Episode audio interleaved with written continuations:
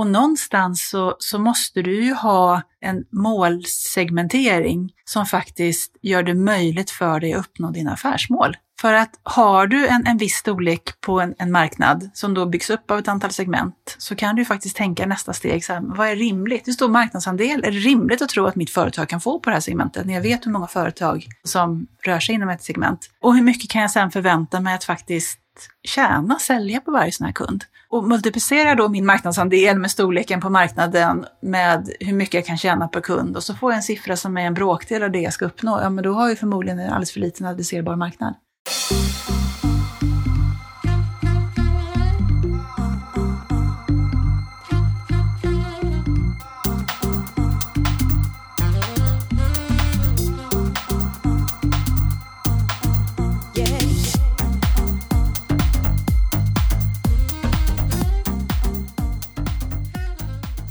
Välkommen tillbaka till Digital marknadsföring med Tony Hammarlund. Det här är en podd där jag intervjuar branschexperter och marknadsförare för att lära mig mer om digital marknadsföring. Mitt mål med podden är att bli en bättre marknadsförare och samtidigt dela med mig av intressanta samtal med några av Sveriges bästa marknadsförare. Målgrupp är ett centralt begrepp för oss marknadsförare och jag tror att alla förstår hur viktigt det är att ha koll på den. Men det pratas sällan om hur man får det. För att få bättre koll på det så bjöd jag återigen in Malin Sjöman för att den här gången diskutera segmentering och personas för business-to-business marknadsföring. Två viktiga begrepp när man definierar sin målgrupp inom business to business där man inte bara har företag utan även personer på företagen som man måste ha koll på. Malin är VD och grundare av business to business-byrån Crescendo och har de senaste 20 åren arbetat med produktledning, affärsutveckling och marknadsföring. Hon har tidigare även varit marknadschef på tre företag Malin är även en van föreläsare och kursledare och håller en rad olika utbildningar inom business-business marknadsföring. Om du arbetar med marknadsföring mot företag eller är intresserad av det så hoppas jag verkligen att du kommer gilla det här avsnittet och att det kommer ge dig bra insikter som du kan använda i ditt arbete. Vi pratar i avsnittet om hur man gör sin segmentering och tar fram konkreta personas inom just business-business marknadsföring. Och vi tar bland annat upp hur viktigt det är att kvantifiera sin segmentering för att kunna koppla det till såväl marknadsmål som affärsmål. Du får bland annat höra om vanliga sätt att segmentera på, vad som skiljer mellan business to business och business to consumer, hur man väljer sätt att segmentera, vilken information segmenten behöver, processen med att göra sin segmentering, vad en persona ska innehålla och hur man tar fram tydliga sådana. Malin delar också ett antal intressanta exempel från verkligheten på hur både segment och personas kan se ut. Vi pratar också om hur man utvecklar dessa över tid på ett bra sätt. Det finns som vanligt länkar till de resurser som nämns i poddlägget på tonyhammarlund.io. För dig som vill lära dig ännu mer om segmentering och personas så har Malin samlat ihop ett antal länkar med riktigt bra läsning. Du hittar även länkar till tre grymma e-böcker och rapporter från både Crescendo och Litium. Så du behöver inte anteckna. Och efter länkarna hittar du självklart även tidsstämplat i olika sektioner i intervjun. Och glöm inte av att prenumerera på mitt nyhetsbrev om du inte redan gör det. Innan vi kör igång poddavsnittet så vill jag även passa på att presentera e-commerce recruit som är en ny sponsor och jobbpartner till både podden och nyhetsbrevet. Om du lyssnar på den här podden och är intresserad av jobb inom e-handel eller digital marknadsföring så borde du verkligen kolla in deras webbsida. De är experter på jobb inom de här områdena och har alltid spännande tjänster och uppdrag ute. Så gå bara in på e-commercerecruit.se och kolla in deras ledare tjänster. Kanske hittar du drömjobbet och nästa steg i karriären. Tack e-commerce recruit för att ni är med och sponsrar podden. Nu kör vi igång intervjun med Malin. Vi börjar med att prata om segmentering och varför det är en så viktig del i marknadsarbetet. Ja, men segmentering det handlar ju egentligen om att du delar upp hela marknaden i, i segment, det vill säga i mindre mängder. Varje sån här mindre mängd, varje segment består då av en grupp företag som har någonting gemensamt, minsta gemensamma nämnare. Och genom att dela upp företagen i grupper så är ju tanken att du ska kunna välja ut de grupperna, de segmenten, där, där, du har störst chans att lyckas eller du har ett erbjudande som bäst matchar behoven på det segmentet. Och tanken är ju då att genom att, att segmentera, att tydliggöra vilka grupper av företag man går mot så kan man bli mer träffsäker i sin kommunikation. Man kan bli vassare i sin säljbearbetning och inte minst så kan man ju faktiskt skruva på sitt erbjudande så att det ännu bättre passar den här typen av företag och organisationer som man vänder sig mot på ett segment. Så segmentering handlar om att dela upp marknaden i, i mindre grupper för att göra det mer, mer hanterbart. Och sen när vi pratar segmentering idag, eller målgrupper, så pratar vi ofta ur det ur ett aktiverings eller innehållsperspektiv. Mm. Men inom marknadsföring så är ju segmentering någonting som går mycket längre tillbaka. Promotion är ju bara ett av de fyra p. Ja, men precis. Och, och, i min värld så är ju marknadsföringen, den börjar ju egentligen redan när du syr ihop dina produkter, när du tar fram ditt erbjudande. Och i många fall så jobbar man ju, som vi var inne på här, liksom med speciella erbjudanden mot speciella segment. Helt enkelt för att kundbehoven ser olika ut på olika segment och då måste erbjudandet kunna anpassas och matchas det också. I den här diskussionen så fokuserar vi på business to business. Men vad skulle du säga, vad skiljer mellan att jobba med målgrupp, segmentering och personas mellan business to business och business to consumer? Jag skulle säga att den stora skillnaden är ju att det blir, vi tittar på en nivå till när det är företag till företag. Tittar man på konsumentmarknaden så gör du ju oftast din segmentering på olika konsumenttyper på individnivå. Och eh, lägger man sedan till dimensionen persona så är den också på individnivå. Tittar du på en business to business affär, företag som säljer till företag, så är det oftast faktiskt så att du segmenterar utifrån företagen eller organisationen, medan du gör givetvis personarbetet på individnivå. Så där har du faktiskt möjligheten att liksom låta dem här, överlagra varandra eller ligga på olika nivåer. En segmentering på företag och sen en nedbrytning när du tittar på personas på individnivå. Det är ju faktiskt en skillnad mellan de två olika inriktningarna B2B och B2C. Ja, men det blir ganska stor skillnad i tänk när man just gör segmentering och bedömer affärsmöjligheten på företagsnivå. Men man tittar på personerna när man faktiskt ska kommunicera med dem. Och sen kan absolut liksom persona eller individparametern påverka segmenteringen. För det kan vara så att vi säger att vi som marknadskonsulter, vi går bara mot företag där det finns en framåtlutad marknadschef eller vi som IT-leverantör, vi vänder oss till alla företag som har en förlegad IT-infrastruktur och därmed kanske en bakåtsträvande IT-chef. Så att du kan ju använda persona-begreppet eller individbegreppet i din företagssegmentering, men likväl så är det två olika nivåer som du grupperar på. Typ av företag, typ av organisation och typ av individ. Ja, det finns visst samspel, det är bara att det kanske inte går att segmentera väldigt enkelt på den typen av samspel. Då. Exakt. Några olika begrepp som ofta brukar pratas om det är marknadssegment, man pratar om ICPR, man pratar om personas. Vad är det här och vad skiljer mellan dem? Ja, men i min värld så är ju segmenteringen just det här att vi delar upp marknaden i segment. Och med det så kommer också ofta att man gör en segmentering så gör man ett urval. Vilka av de här segmenten är det som vi kan adressera med vårt erbjudande? Och då har man den adresserbara marknaden. Och sen gör man också ett urval av alla de segmenten vi skulle kunna gå på. Så väljer vi de här segmenten. Det här är våra målsegment. Det är här vi ska satsa våra, göra våra satsningar. Och det kan man ju då koppla till det här med, med ICP som har blivit ännu en sån här härlig marknadsförings buzzword de sista åren.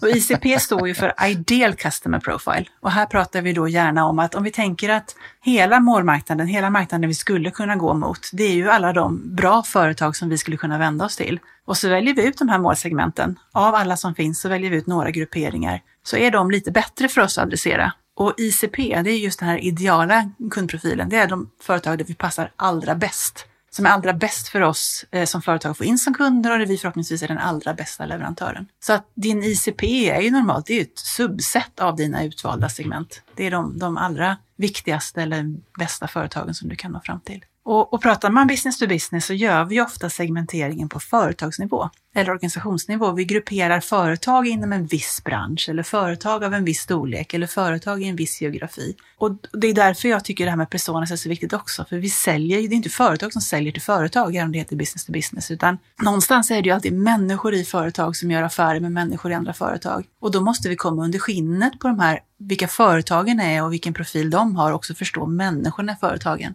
Och där blir ju perso personas så värdefullt. Då tittar vi alltså på typpersoner, typindivider som antingen köper eller använder eller påverkar besluten av de köp som görs. Och det här tycker jag är så viktiga begrepp att ha koll på, för målgrupp är ju som vi var inne på här, det är så mycket bredare än bara att säga din målgrupp. Mm. Det är ju både segmenten här, det är ICP eller idealkunden och sen har vi personas. Men om vi börjar med segmentering då, vad finns det för huvudsakliga sätt att segmentera på eller parametrar att segmentera på? Ja, men om man börjar med det, det som många tycker är enklast så blir det någon form av demografisk segmentering. Och, och tittar man då på en segmentering av företag så handlar det ofta om hur stora är företagen? Och det kan man ju antingen mäta i hur mycket omsätter de? Eller så mäter man det i hur många anställda man har. Ett annat supervanligt sätt är att titta på olika vertikaler, olika industrisegment. Att vi går mot den tillverkande industrin eller vi går mot eh, tjänstesektorn eller kanske ännu smalare, vi går mot revisionsbyråer inom tjänstesektorn. Så man segmenterar utifrån vilken inriktning som företagen har. Men sen så, så tycker jag också att det blir allt vanligare att man tittar på andra mjukare sätt att segmentera, kanske en värdebaserad segmentering. Hur viktigt är den här typen av kunder för oss? Hur mycket värde kan de generera för vårt företag om vi får chans att göra affärer med dem? Men också eh, behovsbaserade segmenteringar dyker upp allt mer. Där man faktiskt tänker att de här företagen kanske rör sig i helt olika branscher. Det kanske är både små och stora företag eller framförallt kanske de finns i både Göteborg och Stockholm. Det spelar ingen roll för de har samma drivkraft och samma behov av samma typ av lösningar. Så att det där går ju att göra och det går ju att göra liksom fantastiska invecklade kombinationer av det där med demografi och, och bransch och, och, värdebaserat och behovsbaserat. Men det finns, det finns väldigt många sätt att segmentera och det måste man ju själv avgöra vad som passar bäst för det egna företaget. Och sen pratar vi om något som jag tyckte var väldigt intressant senast och det var det här med någon typ av mognadsbaserad segmentering. Exakt. Och det, det är ofta kopplat till det här med den behovsbaserade segmenteringen, att man faktiskt tittar på, man kanske vänder sig mot ett industrisegment, man kanske vänder sig mot en viss typ av, en viss storlek på företag. Men så har man en insikt att de här företagen i det här övergripande segmentet, de beter sig väldigt olika. De kanske har kommit helt olika långt på sin digitala mognad. Man kanske tittar på helt olika typer av IT-lösningar. Vi jobbar mycket med IT-branschen. Man kanske har företag som helst köper egen IT-utrustning och ställer i källaren eller man kanske är väldigt förtjust i det här med att skicka ut saker i molnet. Tittar man marknadsföring så kanske det finns företag som fortfarande lägger väldigt mycket pengar på ja, men traditionell marknadsföring såsom mässor och events medan andra har flyttat mer av sin budget till, till de digitala kanalerna. Och det här kan ju vara helt oberoende igen då av storlek och, och av bransch. Men man kan se det snarare som ett tecken på hur mogen man är i den digitala transformationen eller någon annan form av utveckling. Och det här är ju ofta en segmentering som är svårare att sätta fingret på. Det är svårare att, att, att se. Det går inte att köpa en lista från Bisnode eller gå in och titta på SNI-koder och hitta det här, utan då kan man hitta andra angreppssätt. Men det kan vara desto mer värdefullt att faktiskt få de här insikterna och kunna använda det när man segmenterar. Absolut. Hur bör man då tänka när man väljer sätt att segmentera på?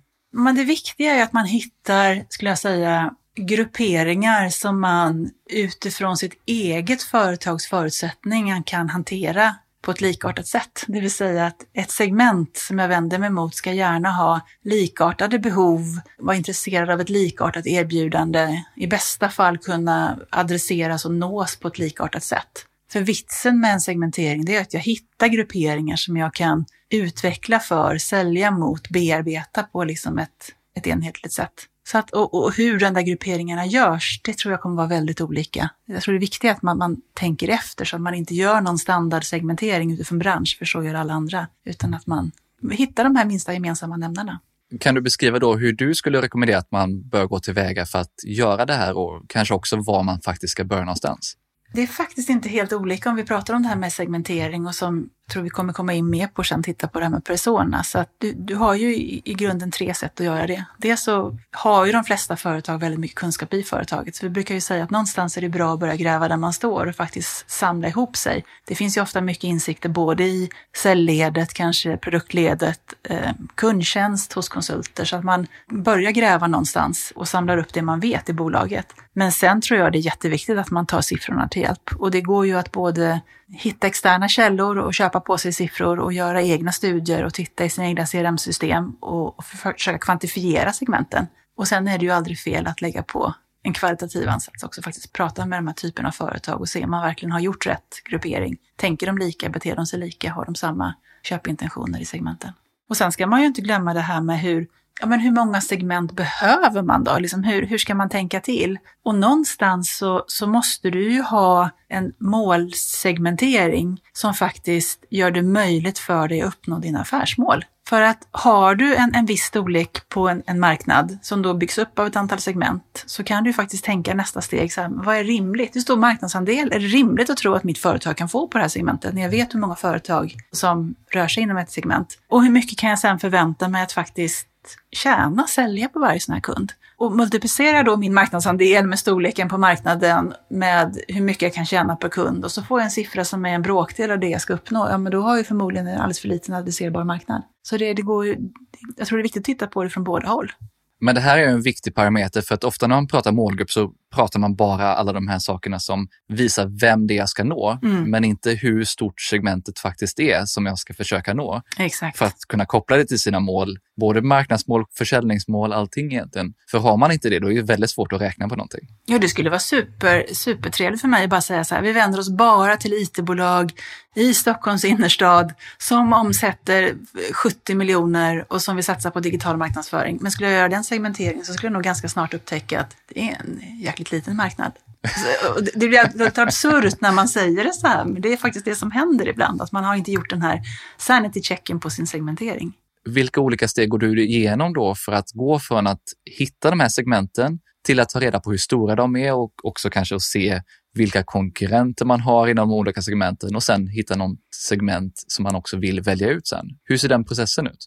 Och det där är ju faktiskt ofta ett ganska stort arbete att eh, över tid lära sig. Det här är oftast ingenting, det är ingenting man gör på en vecka utan det är ju ofta en kontinuerlig process i bolagen faktiskt att man, man gör en hypotes och så vidare förädlar man dem. Gör man en eh, relativt enkel demografisk segmentering där man säger att vi tittar på bransch, vi tittar på företagsstorlek, vi tittar på geografi, då är ju den datan oftast tillgänglig. Du, du, kan antingen hitta den publikt på nätet eller så kan du köpa den och du kan få hjälp att hitta de här subsegmenten så länge du går på de här mera fasta variablerna som demografi och sådär. Men vill du titta på en, en, en värdebaserad segmentering, ja då får, måste du förmodligen gå tillbaka till dina egna affärssystem. Du måste hitta, titta på olika typer av kunder och segmentera de kunderna ni har idag och verkligen våga gräva sig ner och se inte bara vilka företag är det faktiskt vi fakturerar mycket, utan vilken typ av företag är i slutändan lönsamma.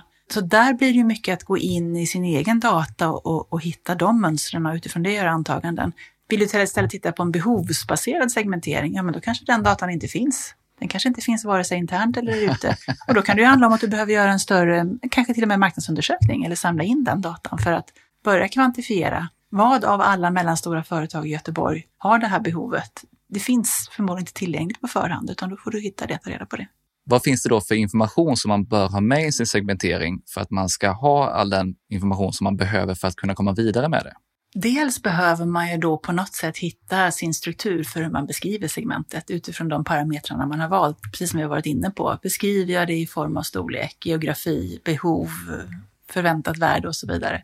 Men sen är det ju också jätteviktigt att man gör någon form av sanity check på de här segmenten. Att man tittar på hur ser de ut. Jag är förmodligen inte ensam som företag att försöka sälja till den här typen av företag i det här segmentet. Hur ser konkurrensen ut? Hur stor marknadsandel är det rimligt att mitt företag kan ta? Här kanske redan finns en konkurrens som mer eller mindre äger 70 procent av marknaden. Det kanske finns ett segment som är betydligt mer öppet där, där jag inte har företag som mitt som är inne och agerar. Så att, att man både får ett grepp om hur stor marknaden är men sen också givetvis har en bild av hur, hur, svår, hur hård konkurrensen är, hur, hur rimligt det är att jag ska kunna bearbeta det här segmentet. Och sen utifrån det då att göra då en värdebedömning, som vi var inne på här tidigare, att okej, okay, det här segmentet är så här stort, jag tar en sån här stor marknadsandel av det segmentet. Hur mycket kan jag, om jag lyckas, förvänta mig omsätta och vad kan jag tjäna på det? Så att man kopplar hela vägen. Det får inte bli en torrsimövning i form av en, en marknadskommunikationssegmentering, utan den ska ju kopplas hela vägen tillbaka till affärsstrategin i mina ögon, affärsplanen. Ja, men det är helt rätt, just man får den informationen som man faktiskt behöver för att kunna sätta mål ut efter det och kunna räkna på det. Och att det inte bara blir att man ska kunna skapa innehåll eller hitta målgruppen i eh, sociala kanaler. Sen så är det som, som alltid den här balansen. Ska man göra den perfekta segmenteringen och ha koll på varenda detaljparameter så sitter man förmodligen här om ett år fortfarande och sitter i sina Excelblad. Så jag tror att man måste också börja, man måste börja köra. Man får hitta, sätta upp sina hypoteser, testköra, men hela tiden hålla, hålla koll på vad som händer och sen, som i all marknadsföring, all affärsutveckling, förfina, vidareutveckla, lära sig på vägen. Hur många marknadssegment tycker du att man ska arbeta med då samtidigt och vad är det som avgör hur många man ska jobba med? Det är ju i mångt och mycket en bandbreddsfråga. Det, där, det, det, blir ju verkligen att säga hur långt är ett snöre, men det är egentligen två saker som spänner upp det här snöret. I ena änden, hur, hur mycket mäktar jag med? Hur många segment kan jag hantera på ett professionellt sätt? Och då menar jag säkerställa att man har rätt värdeerbjudande, att man har rätt, eh, rätt säljbearbetning, att man har rätt marknadskommunikation. Det är ena änden. Och den andra änden tillbaka till det här, har jag tillräckligt stor målmarknad så att jag faktiskt kan göra så mycket affärer som jag förväntar mig? Så någonstans där ligger ju sanningen. Hur skulle segmentet kunna se ut för ett företag som har gjort ett bra arbete då med sin segmentering? Och det igen, det blir ju ganska olika utifrån hur man, hur man väljer att segmentera. Vi jobbar ju med en mängd olika företag idag, alla inom business to business. Ett exempel är ett företag som faktiskt är Sveriges största datortillverkare. Men det, och det är nog mångt och mycket också för att vi har inte så många datortillverkare, men de heter JLT Mobile Computers och de är stora, de, de är börsintroducerade och så vidare. De tillverkar datorer som används i eh, tuffa miljöer. Om du tänker dig att du sitter i en, en, eh, en truck på en, ett lager där det kanske till och med är väldigt låga temperaturer eller du sitter i en, eh, en grävskopa och du behöver fortfarande ha en dator för att kunna göra ditt jobb så tar du inte med dig en Mac eller en liten PC, en notebook, utan du behöver någonting som tål klimat och stötar och så vidare.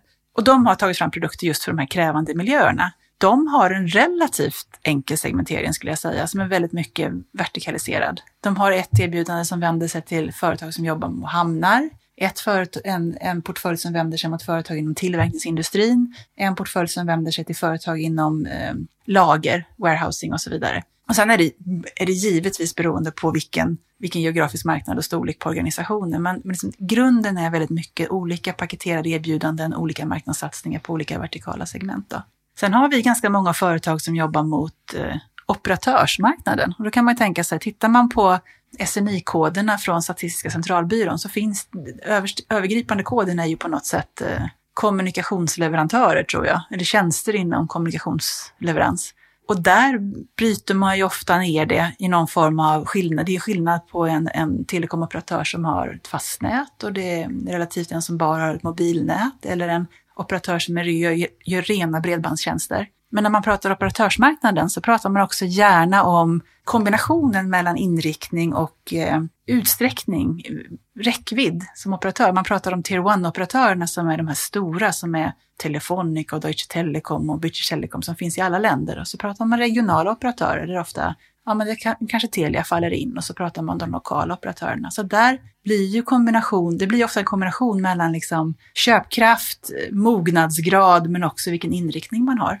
Och sen så var vi lite inne på det här med, med eh, en mer behovsorienterad eller liksom mognadsinriktad segmentering. Vi jobbar också mycket med ett företag som heter Litium som erbjuder plattformar för e-handel. Och ser man bara till produkten så är det samma, samma. Det går att ta den här plattformen som nu är helt molnbaserad och, och leverera den till en, princip vilket företag som helst som vill komma igång med e-handel. Men där såg man ju tidigt att det är en väldig skillnad på företag som startar med e-handel, rena e-tailers, som, som från början inte har en butik, till om du tittar på en detaljhandelskedja. Du tänker dig Lindex eller Teknikmagasinet eller Servera eller vem som helst. Tekniken är densamma, men förutsättningarna och behovsbilden och affärsmodellerna är helt annorlunda. Och så det tredje segmentet som då är business to business, som ju ligger kan vi vara ärliga med, några faser efter de andra när det kommer till att just digitalisera sin affär, då, för den är ofta relationsbaserad. Och där har vi jobbat sedan med att inom B2B-affären så går det att dela upp den. Du har tillverkande företag, du har återförsäljande företag, distributörer och återförsäljare. Du har hela tjänstesektorn. Det är också en B2B-affär. Eh, hur snabbt kan den börja sälja på nätet? Och det som är så otroligt spännande med det här projektet med Litium, det är att där har vi förmånen att jobba med dem och faktiskt göra en bredare kvantitativ studie där vi tar tempen just på B2B-företag i, numera i Norden, hur de utvecklar sin affär. Och har där också kunnat göra en ytterligare en nivå på segmenteringen där vi just tittar på mognadsgrad och sett att inom alla produktsäljande B2B-företag, nu är vi nere på ganska sån 90-gritty nivå, så är det ändå en enorm spread från de som inte överhuvudtaget har börjat överväga att sälja digitalt, till de som har börjat med någon form av enklare orderfunktion, till de som har en helt etablerad e-handel och som faktiskt jobbar helt datadrivet. Och där igen då, nu har vi gått från att prata hela erbjudandet ner till B2B, ner till produktsäljande B2B-företag till olika mognadsgrader. Och då har du liksom verkligen exempel på alla stegen. Och givetvis finns det ju en, värde, en värdebaserad koppling på det här. Man går ju mot de segmenten där man ser att man har en möjlighet att tjäna pengar också i slutändan. Men jag tycker alltid det är så intressant att få exempel på sånt här. Och speciellt när du har extra insikt i till exempel litium, mm. där du vet exakt hur det här har fungerat och vad ni har kunnat göra med segmenteringen. Så det är superintressant att just få ett exempel på hur man kan göra den här mognadsgradsbaserade segmenteringen också. Då, men då kommer vi tillbaka till nästa steg som du var inne på, hur hittar vi de här segmenten sen? Och det, det, blir, det, är verkligen nästa nöt att knäcka, vilka parametrar man ska titta på för att, för att hitta dem. Men det handlar mycket om att ställa rätt frågor och, och både fronta med rätt content och se vad man är intresserad av, vad man nappar på, men också ställa rätt frågor tidigt, tidigt i säljprocessen för att förstå och kvalificera olika företag i de här olika mognadsstegen utifrån det. Före jag fortsätter prata segmentering och personas med Malin så vill jag presentera Meltwater som är med och sponsrar podden. Du har säkert hört talas om Meltwater tidigare och man är kända för sina verktyg inom media intelligence och social analytics. Plattformen har global täckning och används idag av över 27 000 marknadsteam och team inom PR och social. Två av de främsta användningsområdena där plattformen verkligen skiner är mediebevakning och analys av både traditionella och digitala medier samt hantering och analys av såväl köpta som organiska kampanjer i sociala medier. Ett annat område där man har ett grymt verktyg som jag verkligen gillar är inom hantering och analys av influencer marketing.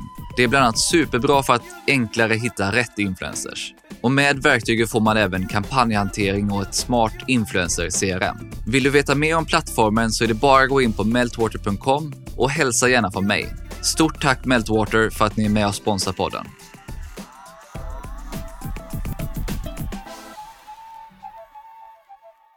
När vet man att man är klar med sin segmentering och kan gå över mer åt det som vi pratade om i början med personas?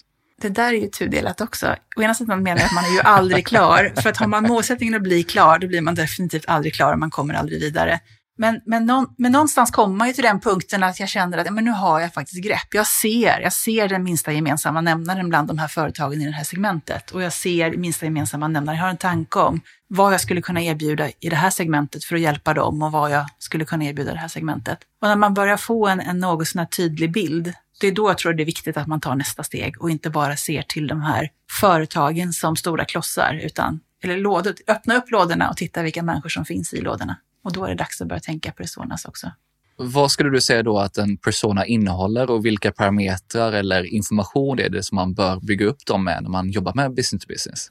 Målsättningen med att jobba med personas, det är ju att titta då innanför företagets väggar och faktiskt försöka förstå de människor som rör sig i företaget och som på något sätt påverkar köpet av de produkter och tjänster som vi försöker sälja. Och det kan vara direkta beslutsfattare, det kan vara påverkare i besluten som vi kanske aldrig någonsin ens träffar om vi får chans att ha ett säljmöte, men det kan också vara användare av de här produkterna och tjänsterna vi har. Så vad vi vill göra det är att vi vill gå bortom sådana här rent demografiska beskrivningar som vad står det på visitkortet eller ja, nu 2022, vad står det på LinkedIn-profilen? Vem rapporterar man till?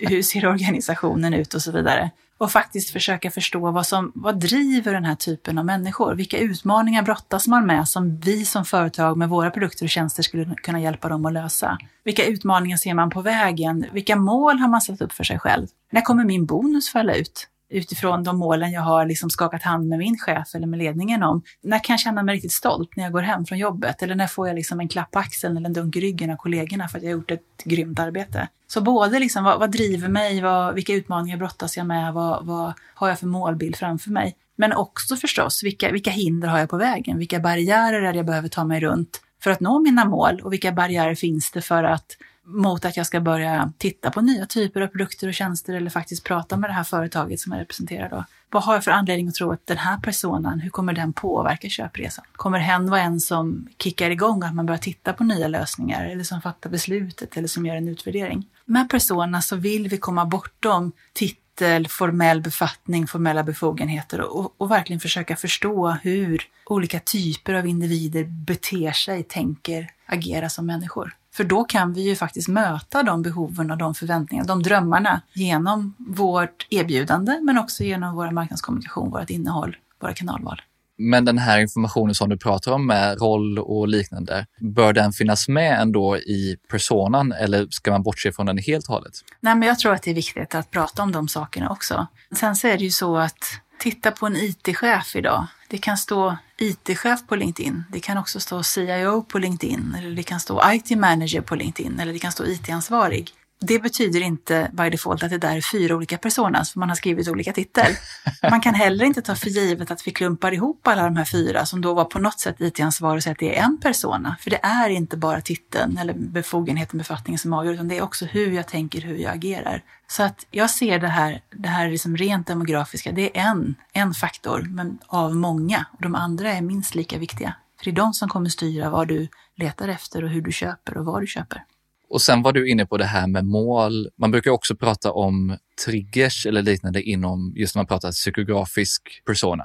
Ja, men definitivt. Och, och, att man har att målsättningen och ambitionen och triggern är, är, är inte nödvändigtvis densamma. Jag kan som, säga att jag är marknadschef och jag känner att det skulle vara jäkligt gött att få ett nytt systemstöd. Jag sitter och, och surfar lite på marketing automation och kollar upp vad, vad skulle jag kunna få för stöd i mina marknadsprocesser om jag kanske köpt ett HubSpot-system eller ett Pardot-system och så ligger jag och tänker på det där. Eh, men sen har jag ju förmodligen typ tusen andra saker på min att göra-lista. Så att jag kanske inte agerar på de här tankarna och drivkrafterna och behoven att, att faktiskt jobba smartare med marknadsföring. Och sen kommer triggen. Då händer någonting som gör att men nu jäklar måste jag ta itu med det här. Och det, kanske, det kan till exempel vara att eh, jag sitter i ett ledningsgruppsmöte och där sitter även säljchefen och säljchefen ställer sig upp och säger den här marknadsavdelningen är ju helt värdelös. Det kommer ju inte ett Skitnyttigt från den.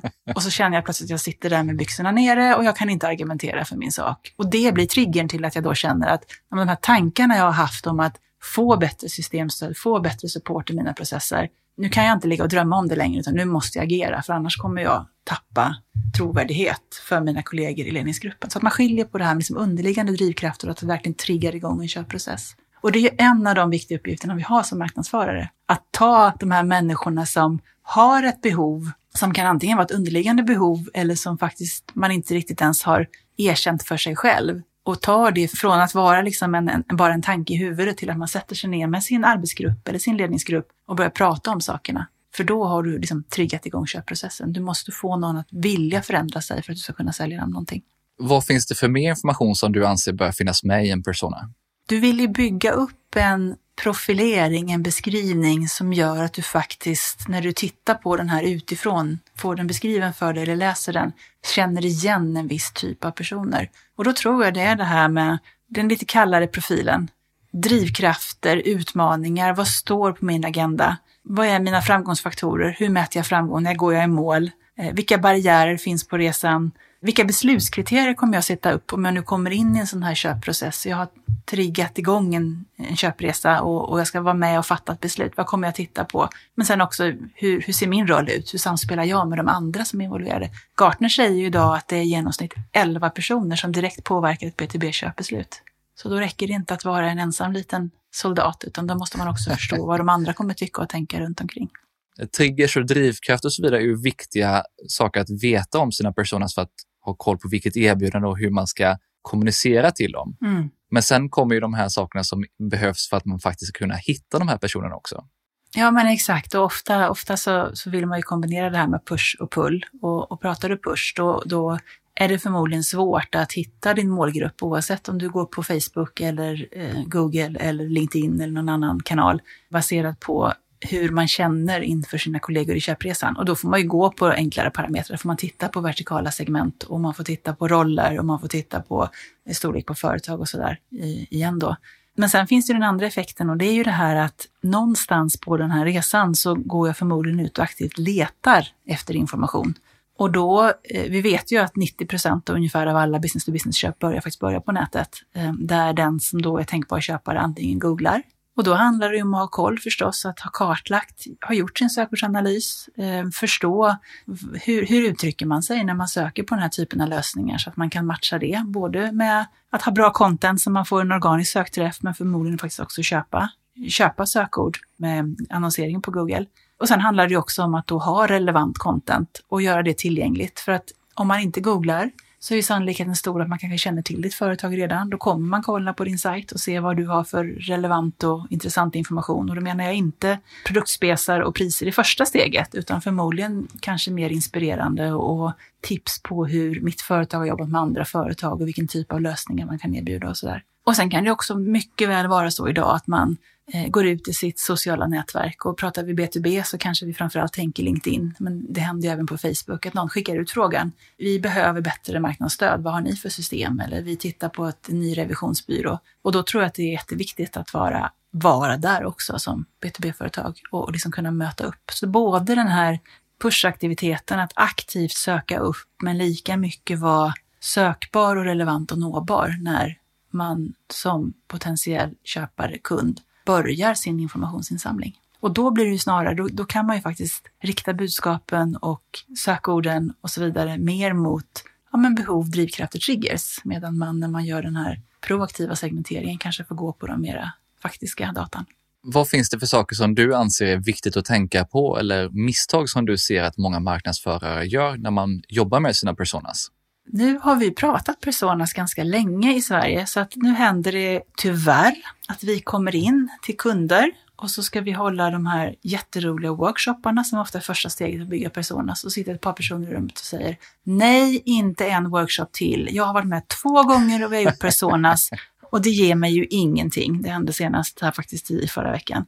Det tycker jag är ett, jätte, det är ett allvarligt problem, att man gör de här och det blir en bunt jättefina powerpoints och sen så gör man ingenting med det. Och det, ska jag säga, det är det största problemet, att man gör personas men sen låter man dem inte verka ut. De påverkar inte marknadsföringen och säljaktiviteterna. Det är stort nej, nej, för då personas använd på rätt sätt är ett bra verktyg. Det vågar jag stå för. Jag vet att det finns en stark debatt om det också. Om man gör det på rätt sätt och använder det på rätt sätt.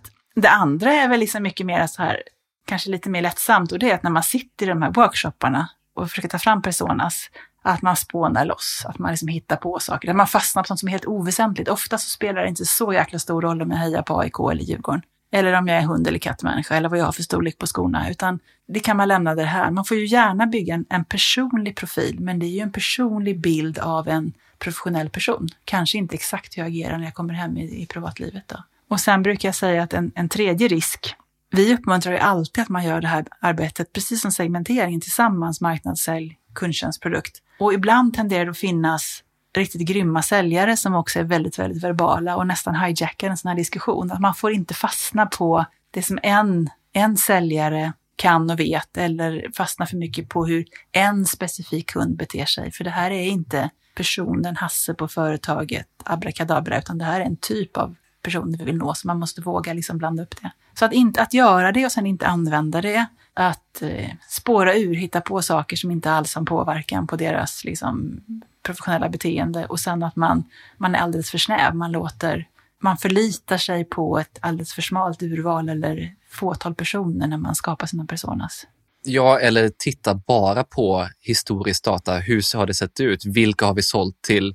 Hittills. Inte titta vad vi skulle vilja nå för några företag eller personer. Nej, och det är därför jag, nu har jag sagt flera gånger när man gör de här workshopparna, vi, vi börjar nästan alltid med att man, att man igen då, precis som vi sa om segment, att man samlar liksom expertisen, för det finns mycket kunskap i bolaget. Men här tror jag det är superviktigt att inte stanna där, utan här måste man också göra sin, sin eh, bredare analys. Och har man en stor målmarknad och många kunder man kan adressera så är det ju ofta väldigt spännande med en kvantitativ analys. Antingen att man kan hitta datan igen eller att man får göra sin egen research eller gå in och gräva i sina CRM-system eller marketing automation-system eller affärssystem om man, beroende på vad man har sin kunddata. Men, men sen prata med kunderna. Alltså gör djupintervjuer, gör riktiga djupintervjuer som inte är förklädda säljsamtal utan öppet, ärligt, ställ frågor. Hur tänker man? Vad drivs man av? Vad brinner man för? Men då kommer vi in mer på den här processen och du pratar om workshops för att ta fram personas. Så hur går du tillväga eller hur går ni tillväga för att göra det?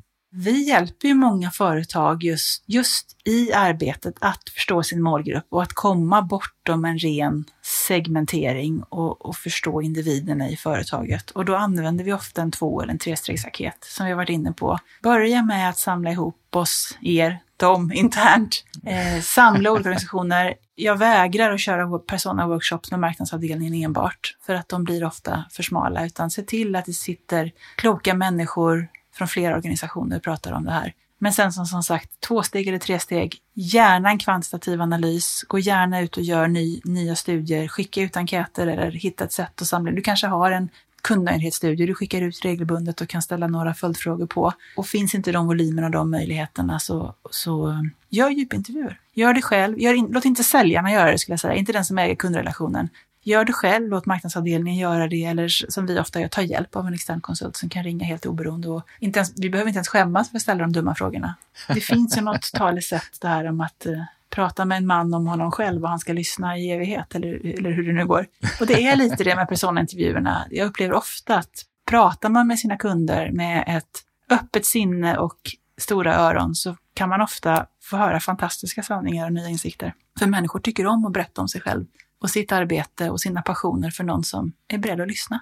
Och kombinerar man ihop den här typen av kvalitativa insikter från kunderna direkt med vad man både vet inom marknad, vad man vet inom sälj och vad man vet kanske inom produktutveckling och så vidare, så kan man få en väldigt bra bild av det. Plus att man också kan ta in en hel del ren data också. Precis. Och så ska man ändå komma ihåg att det är fortfarande aldrig hela sanningen, utan det är den absolut bästa hypotesen man kan göra här och nu, vilket är helt klart good enough för att köra och börja arbeta med det. Och sen, precis som segmenteringen, så är det ju inte en pappersprodukt som ska in i bokhyllan, utan det är ett, ett styrdokument eller ett arbetsdokument som både ska stötta och styra det jobbet man gör inom produkt och inom marknad och inom sälj, men också någonting som man kan vidareförädla och ta, ta vidare framåt de här första, om man, om man tar de här första workshopparna, det är lite som speed dating. Man träffar, man, man samlas ihop och man träffas första gången, men man lär ju inte känna någon på djupet i en sån workshop eller på en speed date. Man måste träffas fler gånger, man måste bygga på eftersom. Ja, men jag tänker vi kommer in på det lite senare, tänker jag här, men just där hur både segmentering och personas utvecklas över tid. En sak som du var inne på här också, det var just att Gartner säger att det finns uppemot 11 personer som är inblandade i många business-to-business-affärer. Mm. Så hur många personas bör man ta fram för varje segment? 3,8. Nej. Nej, men det finns, det finns ju inte, det finns ju på samma sätt som det inte finns en färdig måttstock för hur många segment som du ska adressera. Det beror ju givetvis på hur, hur mycket bandbredd du har, hur mycket resurser du har, hur, hur, hur brett erbjudande du har. Du ska ju helst inte jobba med fler personer än igen att du känner att du kan göra ett jäkligt bra jobb mot var och en av de personerna. Både i hur du adressera dem, vad du kommunicerar, vad du erbjuder, vilket värdeerbjudande du har och så vidare. Börjar man från början så brukar jag säga att men då, låt oss göra tre personas. Låt oss prioritera de tre viktigaste här och nu. Och sen när vi känner att, att vi är jäkligt grymma på att förstå och kommunicera och paketera och prospektera mot de här personerna, ja men då gör vi två eller tre till som man fyller på eftersom. Så man inte fastnar igen i det här att oj, det är elva olika personas vi måste ta fram. Och så sitter man timma ut och timma in, för då har igen marknaden sprungit ifrån en. Så jag tror man måste våga börja prioritera och sen addera eftersom. Hur skulle då personas kunna se ut för något av de här segmenten som du tog upp tidigare som exempel? Ja, men om vi tittar på, jag nämnde att vi jobbar faktiskt mot flera företag som vänder sig mot operatörsmarknaden på olika sätt. Om man bortser exakt igen då från vad som står på visitkortet så finns det ju ofta olika drivkrafter och olika påverkare i de här köpbesluten. Det kanske triggas igång att man tittar efter nya lösningar med ett önskemål från den kommersiella organisationen. Det kanske finns en, en marknadsansvarig eller en kommersiellt erbjudandeansvarig som från operatörens sida identifierar ett nytt segment. Vi ska satsa på, vi ska ta fram ett vassare erbjudande mot de minsta företagen eller vi ska ta ett vassare erbjudande mot våra konsumenter och deras, deras uppkopplade hem och så vidare. Så där finns det ju ofta en roll som då kan heta, den kan heta CMO i operatörsvärlden, den kan också heta produktansvarig eller erbjudandeansvarig som kanske ofta kickar igång en sån här process och som ser väldigt tydligt de kommersiella drivkrafterna som går in i det här utifrån att man har identifierat ett adresserbart kundsegment hos operatören. Det är ofta inte den personen som sen går vidare och faktiskt utvärderar vilka lösningar som behövs, utan i många fall kanske man lämnar över det mot en person som är produktägare eller erbjudandeansvarig som då har en mer teknisk kompetens och som sitter och har förmågan att översätta de här kommersiella önskemålen om att adressera en ny marknad och säger okej, okay, ska vi gå in på den marknaden så behöver vi förmodligen ha den här typen av erbjudanden. Jag måste gå ut och titta på vilken typ av produkter och tjänster det finns som kan hjälpa till att adressera den här målmarknaden. Drivs mycket mer på att hitta rätt lösningar, hitta tekniker och produkter som, som passar ihop och som matchar. Och den här rollen, tittar man på köpresan, det är ofta en roll som finns med ganska genomgående köpresan, medan den första personen kanske snarare är en initialbeställare som kanske först kommer tillbaka när beslutet ska tas. Och tittar man sen på någonting så komplext som en, en ett operatörsnät så sitter det ju definitivt den som är nätansvarig eller tjänstansvarig i nätet beroende på vilken nivå och tittar och säger så här. Det var ju en jättebra idé du kom med kära produktchef, men hur har du tänkt dig att den ska funka i det här väldigt kvalificerade nätet vi driver?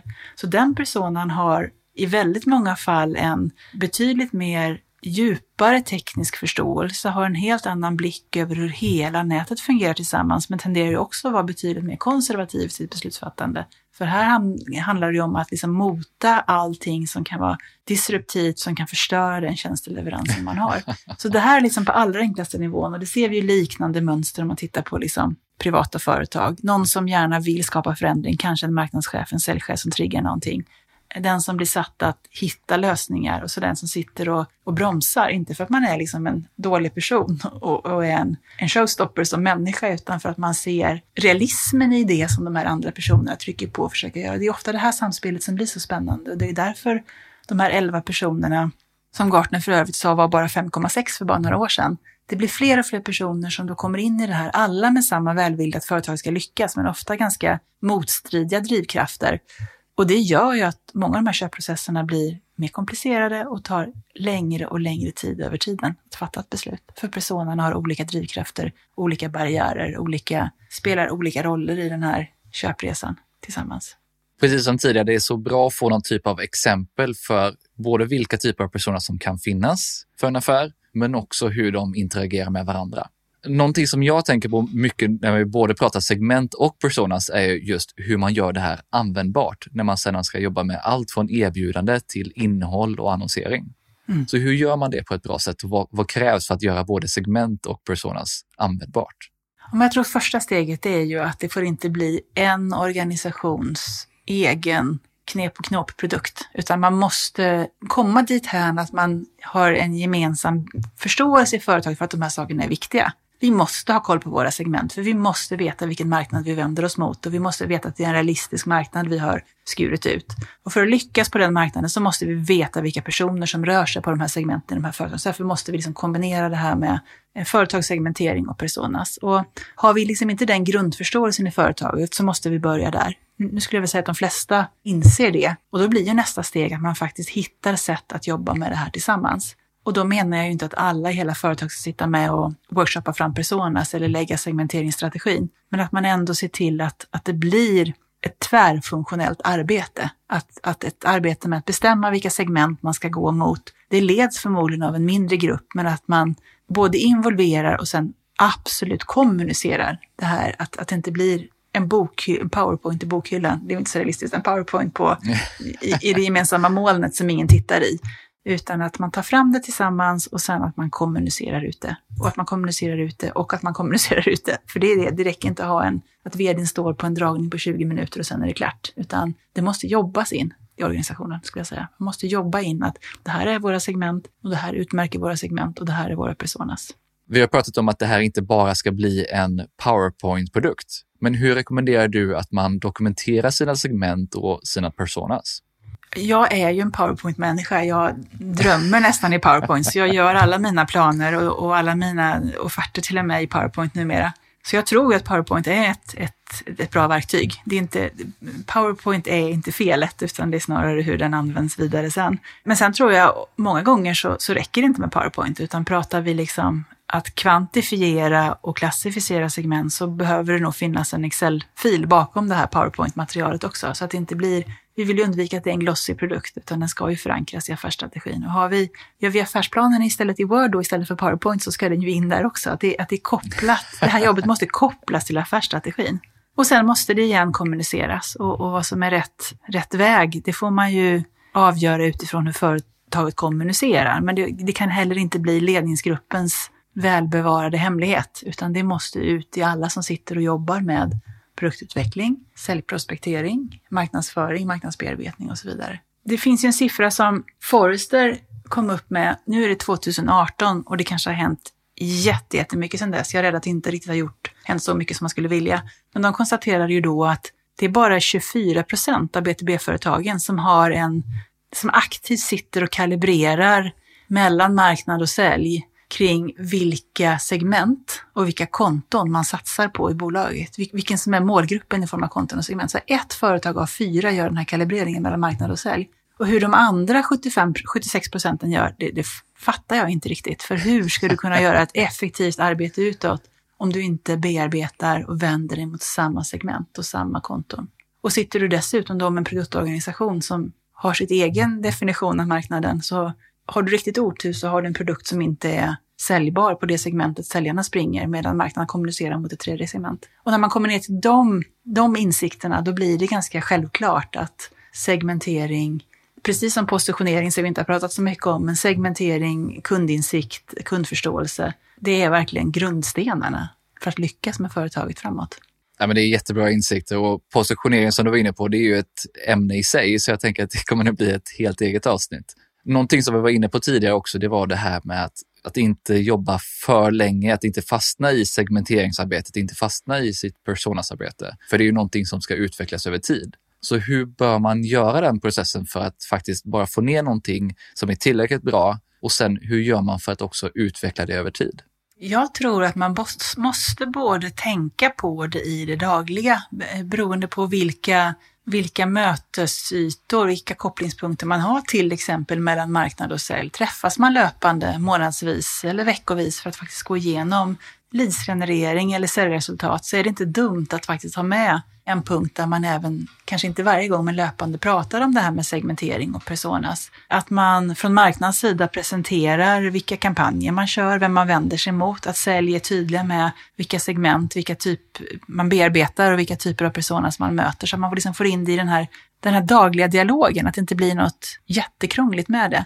Och sen är det självklart viktigt att när man startar ny produktutveckling eller tar fram nya tjänster, att det här är en, en i varje sån här produktkravspecifikation eller produktbeskrivning man tar fram, har en, en riktig checkpunkt, inte någonting som man bara skriver för man ska skriva det i mallen, med vilka segment och vilka personas man ska adressera. Sen jobbar ju många med liksom kvartalsvisa affärsgenomgångar eller business reviews. Segmenteringen behöver ju komma upp i dem också.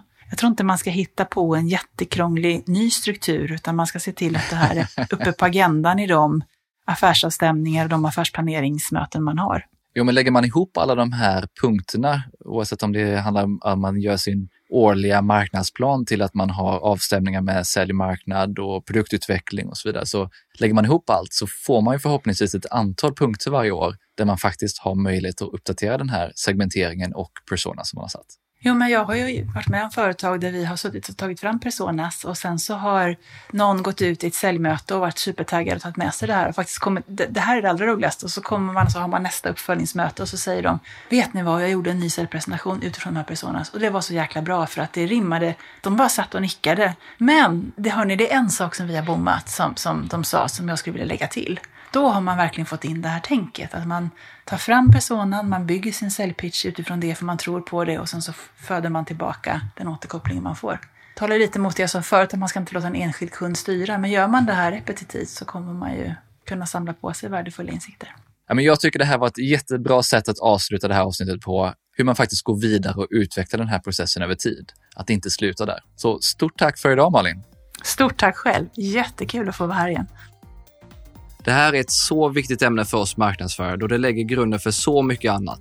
Förutom en väl definierad målgrupp som tagits fram genom bra segmentering så blir det otroligt svårt att lyckas med sin marknadsföring. Inte minst inom business to business där målgruppen är mer komplex och består av två nivåer med både företag och personer på företagen. Det var därför riktigt kul att prata med Malin som har lång erfarenhet av att arbeta med de här frågorna, både inhouse och som konsult. Och jag har som vanligt valt ut tre av mina främsta insikter som jag tar med mig från intervjun.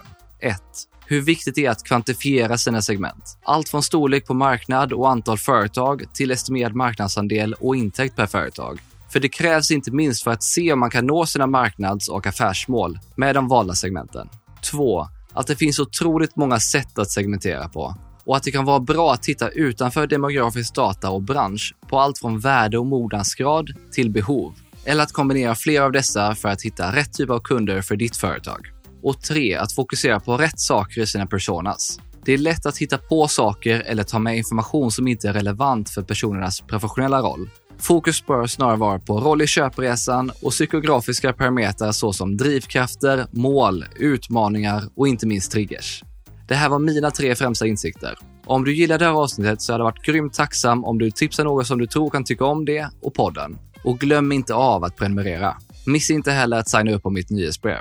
Du hittar som vanligt länkar till alla resurser och verktyg vi nämnde i poddenlägget på tonyhammarlund.io. För dig som vill lära dig ännu mer om segmentering och personas så har Malin samlat ihop ett antal länkar med riktigt bra läsning. Du hittar även länkar till tre grymma e-böcker och rapporter från både Crescendo och Litium. Avslutningsvis vill jag passa på att tacka Mikael på Better Waves som hjälper till med att producera den här podden och stå för musiken. Vi hörs snart igen med fler intressanta gäster och ämnen.